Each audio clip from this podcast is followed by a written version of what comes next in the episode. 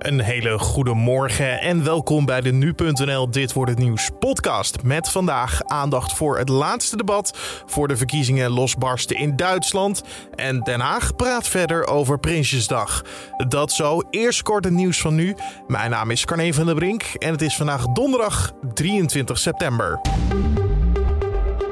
Nog weinig vuurwerk na de eerste dag van de algemene politieke beschouwingen. Partijleiders tasten nog af wat er mogelijk is om de kabinetsplannen voor volgend jaar aan te passen. VVD, D66 en CDA bieden vanuit de Kamer enige ruimte. Maar niet iedereen vindt de uitgestoken hand genoeg. Bijvoorbeeld de PvdA. Het is te prijzen dat uh, mevrouw Hermans van de VVD met een miljard op pad gestuurd is. Ik ga niet voor een appel en een ei um, in een gedoogconstructie, zoals dat dan heet, laten rommelen. Echte verandering is nodig. Daarover kan onderhandeld worden. Ja, concreet is er wel gesproken om het verschil tussen het salaris van leraren in het primair onderwijs en dat van hun collega's in het voortgezet onderwijs te verkleinen. En vandaag zal het demissionair kabinet reageren op alle vragen en verzoeken uit de Kamer. Als ondernemers of bedrijven niet handhaven op een toegangsbewijs vanaf zaterdag, worden ze niet direct gestraft. Dat hebben de burgemeesters gisteravond afgesproken met het ministerie van Justitie en Veiligheid. Pas als ondernemers meerdere keren in de fout gaan, zullen de gemeenten ingrijpen. Diverse gemeenten gaan eerst met ondernemers in gesprek om ze te waarschuwen. Als ze daarna nog steeds de regels overtreden, dan pas gaan ze handhaven. Iedereen die in een tuincentrum of woonwinkel van de horeca gebruik wil maken, moet vanaf zaterdag ook een coronapas laten zien. Ondernemers vrezen nu gedoe en ook dat ze noodgedwongen politieagentje moeten spelen. Dat zeggen belangenorganisaties in retail en tuinbranche Nederland tegen nu.nl. Ja, de tuinbranche had liever gezien dat de anderhalve meter afstand bleef, want nu heb je volgens hen een beleid wat niet uit te leggen valt. Want in de winkel mag je gewoon vrij bewegen, maar als je een kop koffie wil, moet je opeens een check doen. De brandweer in Amsterdam heeft gisteravond bewoners van negen woningen geëvacueerd. Dit gebeurde nadat een grote hoeveelheid kwik was gevonden in een trappenhuis. Een bewoner zag dit en had daarna snel de brandweer gebeld. Kwikdamp is giftig en kan bij hoge concentraties zorgen voor blijvende schade. Het is nog niet duidelijk wanneer de bewoners terug kunnen. Eerst moet het kwik worden verwijderd en moeten woningen gecontroleerd worden. En dan voetbal nog, want Feyenoord won gisteravond in de eredivisie met 3-1 van Heerenveen. Een van de Rotterdamse goals werd gemaakt door Brian Linsen en haalde daarmee een record. Jan Max met de voorzet, hakje, oh wat een mooie! De honderdste van Brian Linsen is misschien wel zijn allermooiste. Tien jaar na zijn eerste doelpunt in de Eredivisie voor VVV tegen RKC staat hij op 100. Ja, was te horen bij ESPN. PSV won nipt bij Go Ahead Eagles 1-2. De wedstrijd tussen FC Groningen en Vitesse verliep wel erg onrustig. De wedstrijd werd een uh, tijdje stilgelegd omdat de keeper van Vitesse bekogeld werd vanuit het publiek. Ook kwamen fans het veld op. Het werd uiteindelijk 1-0 voor Vitesse. Naar de agenda van vandaag. Na 16 jaar stopt Angela Merkel als bondskanselier van Duitsland. Nou, vanavond staat het slotdebat op de agenda voor de Duitse politici. Zondag mogen de Duitsers dan ook hun stem uitbrengen.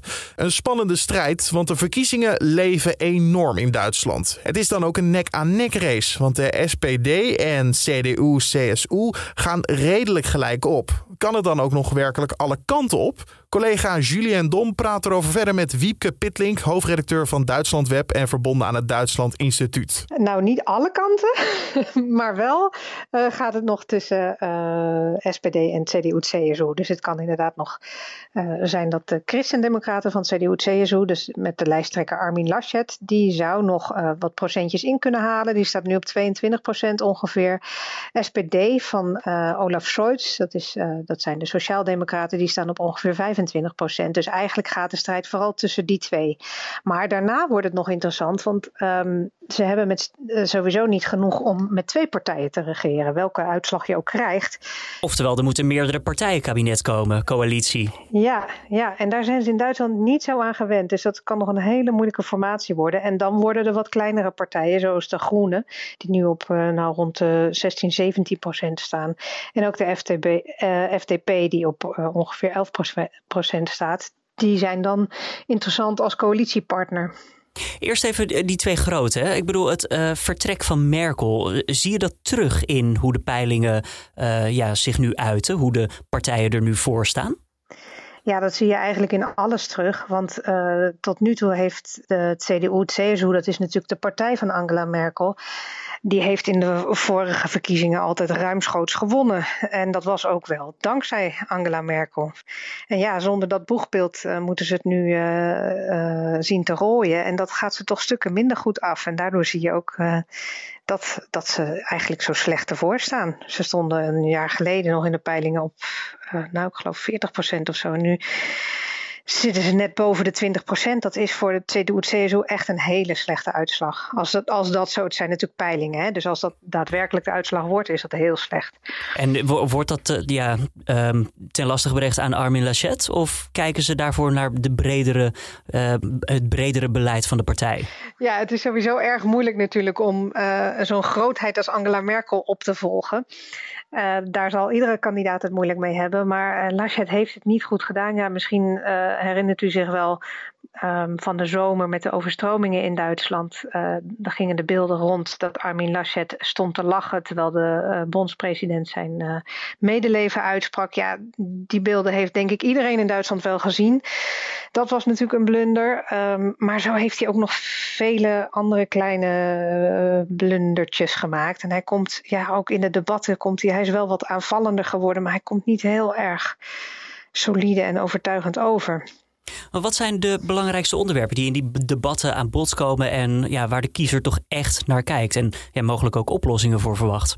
Ja, als je naar de peilingen kijkt, dan is klimaat toch wel een van de belangrijkste onderwerpen. Dus het klimaatbeleid. Uh, ja, het coronabeleid is natuurlijk ook belangrijk. Al gaat het daar in de, in de debatten wat minder over omdat ze het daar ook in grote lijnen wel over eens zijn. Dus daar zitten niet de grote verschillen. Bij klimaat uh, zitten er wel behoorlijke verschillen. En dan zijn er nog meer de sociaal-economische onderwerpen die ook belangrijk zijn. Bijvoorbeeld de woningmarkt, wat we natuurlijk in Nederland ook als groot thema zien. En uh, de pensioenen, die in uh, Duitsland voor veel mensen aanzienlijk lager zijn dan in Nederland. En uh, nou, kwesties als minimumloon, dat hoger moet volgens uh, de linkse partijen. En... en hierin zitten partijen dus eigenlijk behoorlijk ver van elkaar, waardoor het dus een uitdaging zal worden om dus een coalitie met ja, minstens dan toch drie partijen te maken uiteindelijk. Ja, dat wordt sowieso lastig, want SPD, de Sociaaldemocraten en de Christendemocraten, die vormen nu ook samen een regering. Dus die kunnen nog wel aardig wat onderwerpen vinden waar ze redelijk dicht bij elkaar zitten. Maar die eh, zullen een derde partner erbij moeten hebben. En dat wordt dan of de FDP, de liberalen, die uh, uh, ja, eigenlijk heel erg voor um, een andere belastingpolitiek zijn, dus lagere belastingen vooral. En dan heb je nog de groenen. En die zijn natuurlijk weer veel te groen. En die hebben trouwens ook een heel uitgebreid sociaal-economisch programma. Dus die willen ook graag de lagere inkomens erop vooruit doen gaan. Ja, dat ligt soms best ver uit elkaar inderdaad. Dus dat maakt het lastiger. Zeg nog één vraag. Ja, hoe belangrijk is die Duitse uitslag uiteindelijk nou voor Nederland? Ja, heel belangrijk. Um, daarom vind ik het ook wel terecht dat er dit keer best veel aandacht is, ook voor de Duitse verkiezingen. Want ja, Duitsland is toch het belangrijkste land in uh, de Europese Unie. En uh, ja, maakt voor een belangrijk deel het beleid ook uit in de EU. Hè. Heeft daar gewoon veel macht. Dus uh, wat Duitsland doet en wat Duitsland wil, ook in EU-verband, dat heeft direct gevolgen voor Nederland. En voor Nederland is het natuurlijk ook handig om aan te haken bij uh, het grote land Duitsland. Dat heeft uh, Rutte ook herhaaldelijk gedaan natuurlijk. Dat hij zeg maar als, als klein Nederland krijg je niet zoveel gedaan in EU-verband. En dan, dan is het handig om samenwerking met Duitsland te zoeken. En de vriendschap tussen beide landen is nu goed te noemen, toch? Ja, die is wel goed te noemen. Ja, er zijn natuurlijk altijd wel wat kwesties waar ze het niet over eens zijn, maar over het algemeen is het goed. En dat is denk ik ook wel een hele belangrijke uh, opgave voor Nederland om te zorgen dat ook als er nu een nieuwe kanselier komt, uh, dat Nederland ook daar weer uh, goed op het netvlies staat, zeg maar. Nou, dat is met Armin Laschet van het CDU-CSU. Die is uh, die is heel bekend eigenlijk al. Die is de minister-president van Noord-Rijn-Westfalen. Dat is de deelstaat die aan Nederland grenst. En heeft dus al heel veel met Nederland te maken gehad. Uh, komt ook uit Aken. Dus voor hem is Nederland uh, mentaal heel dichtbij, zal ik maar zeggen. maar voor de andere kandidaten geldt dat iets minder. Dus ik denk dat het belangrijk is voor Nederland om te zorgen ehm, ja, Duitsland heeft nog meer buurlanden dan alleen maar Nederland. Dus om te zorgen dat Nederland ook goed in de picture is in Duitsland, in Berlijn. Wiepke Pitlink, hoofdredacteur van Duitslandweb en verbonden aan het Duitsland Instituut, hoorde je daar in gesprek met collega Julien Dom. Ja, en was het gisteren de beurt aan de Kamer om vast zich te laten horen. Vandaag mag het demissionaire kabinet de vragen beantwoorden tijdens de algemene beschouwing in Den Haag. Ook zal er gereageerd worden op de tegenvoorstellen die zijn gedaan op de plannen op Prinsjesdag. Net zoals gisteren zal het waarschijnlijk weer een lange zit worden. Maar we houden je natuurlijk in onze app en op nu.nl op de hoogte van de belangrijkste ontwikkelingen. En iemand die je altijd op de hoogte houdt van het dagelijkse weer, dat is natuurlijk Raymond Klaassen van Weerplaza. Het is de eerste dag van de astronomische herfst. En die dag begint met zonnige periode op de meeste plaatsen. Maar vanuit het noorden neemt wel de bewolking geleidelijk aan toe. In het noorden kan er dan ook geleidelijk aan een spatje regen vallen. Veel stelt het allemaal niet voor. De temperatuur ligt in het noorden rond de 18 graden. Meer het binnenland in kan het 19 of 20 graden worden. Wat verder opvalt vandaag is de wind, want die neemt flink toe. Die draait van zuidwest naar west tot noordwest en wordt matig tot krachtig. Vooral aan zee gaat het stevig waaien. In het Waddengebied kan het zelfs enige tijd hard waaien en dat is een windkracht 7. In de loop van de avond neemt de wind geleidelijk aan af en komen er ook weer meer opklaringen. Dankjewel Raymond Klaassen van Weerplaza. Ja, en om af te sluiten nog even dit. Komt een opvallend onderzoek naar de Surinaamse vicepresident Ronnie Brunswijk. Ja, want de 60-jarige politicus dook ineens op bij een internationale voetbalwedstrijd als speler op het veld. En daar is de Zuid-Amerikaanse voetbalbond niet blij mee. Hij zou ook geld hebben uitgedeeld in de kleedkamer van de tegenstander. Daarom is er nu een onderzoek ingesteld. En tot zover deze Dit Wordt Het Nieuws podcast eh, voor de donderdag. Dankjewel voor het luisteren. Je kan ons al erbij maken met een recensie bij Apple Podcast of een mailtje te sturen naar podcast.nu.nl. Of natuurlijk gewoon je te abonneren op deze podcast in je favoriete app. Zoals Spotify, Google Podcast of Apple Podcast. Mijn naam is Carne van der Brink. Bedankt voor het luisteren en een hele mooie dag.